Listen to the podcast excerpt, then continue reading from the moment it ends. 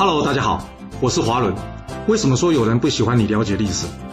因为历史可以让你了解顶层阶级的思考方式，成为他们的竞争者，也可以让你看到许多前人成功以及失败的案例，让你的竞争对手睡不好觉。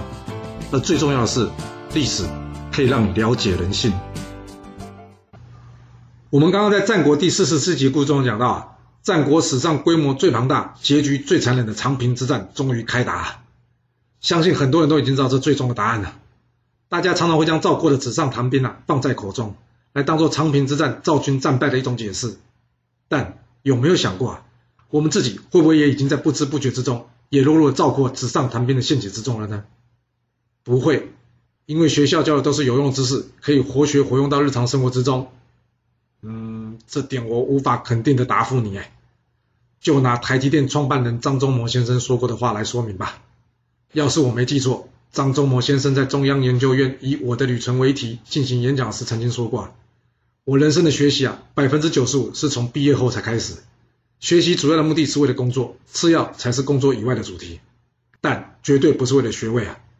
当学习的目的错了，结果就失败了。而这句话呢，后来就常常被人引用成：在学校所学的知识啊，最多只有百分之五能用于工作上。这样的解读啊，恐怕并不正确。但可以知道的是啊。真正的学习不是只有在学校，我的解读是这样的，就像我之前在练习武术啊，学校是教我们如何扎好马步、弓箭步等基础步伐，以及练好基本拳路的地方啊。但这拳脚一旦施展起来，各门各派五花八门啊，还有实战经验，这些不一定是学校能教的。所以离开学校之后呢，还是得持续学习。然而现实的状况是啊，我遇到的大多数人呢，一旦离开学校之后啊，便与书本也分手了。对很多人来说啊，阅读书籍就像是遇到了恐怖情人一样啊，大家避之唯恐不及啊。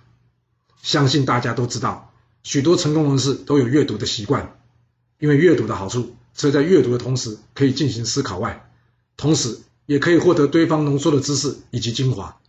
当然，不排除一些知名人物，但是写的内容却似是而非了。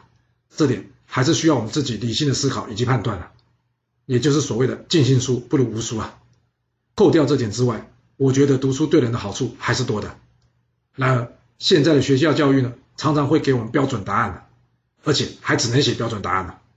这样的长期训练之下，可能会让学生们慢慢丧失了思辨的能力啊，不再在乎什么是对，什么是错，只在乎标准答案是什么。一旦养成了这种习惯，那对于所有的资讯来源，他将不会再去判断人、事、时、地、物等构成事件的基础差异，可能造成事件不同的变化。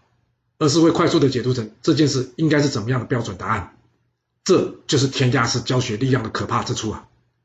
要是我们判断事情的方式是采取这种模式，那不就跟今天故事中的赵括一样吗？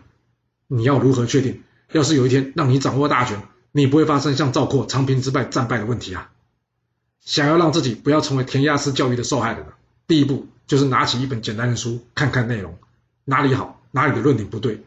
对与不对的地方是你自己的主观想法，还是有客观的数据或是事实可以支持？又或是在看新闻报道或是政论节目，你有没有试着去听看反对阵营的说法？他们的角度、用词、论点，你觉得哪些是正确的，哪些是有问题的？借由这些方式，慢慢的唤起我们思辨能力，这样才是对我们思考有帮助的事情。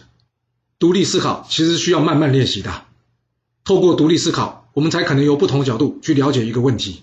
进而让自己不要落入像赵国一样纸上谈兵的风险，也只有能独立思考人才不容易让人家操纵他的未来，您说是吧？若是您有其他的想法，也欢迎留言分享您的看法给大家哦。好了，我们今天就先说到这。若是你想要知道完整版的故事内容，欢迎您可以到说明栏中找到我爱故事频道的连结。要是你喜欢这频道，还要麻烦您动动你的手指，点赞、订阅、追踪。或是给我五星评价的支持，以及留言分享哦，谢谢您来收听，我们下次再见。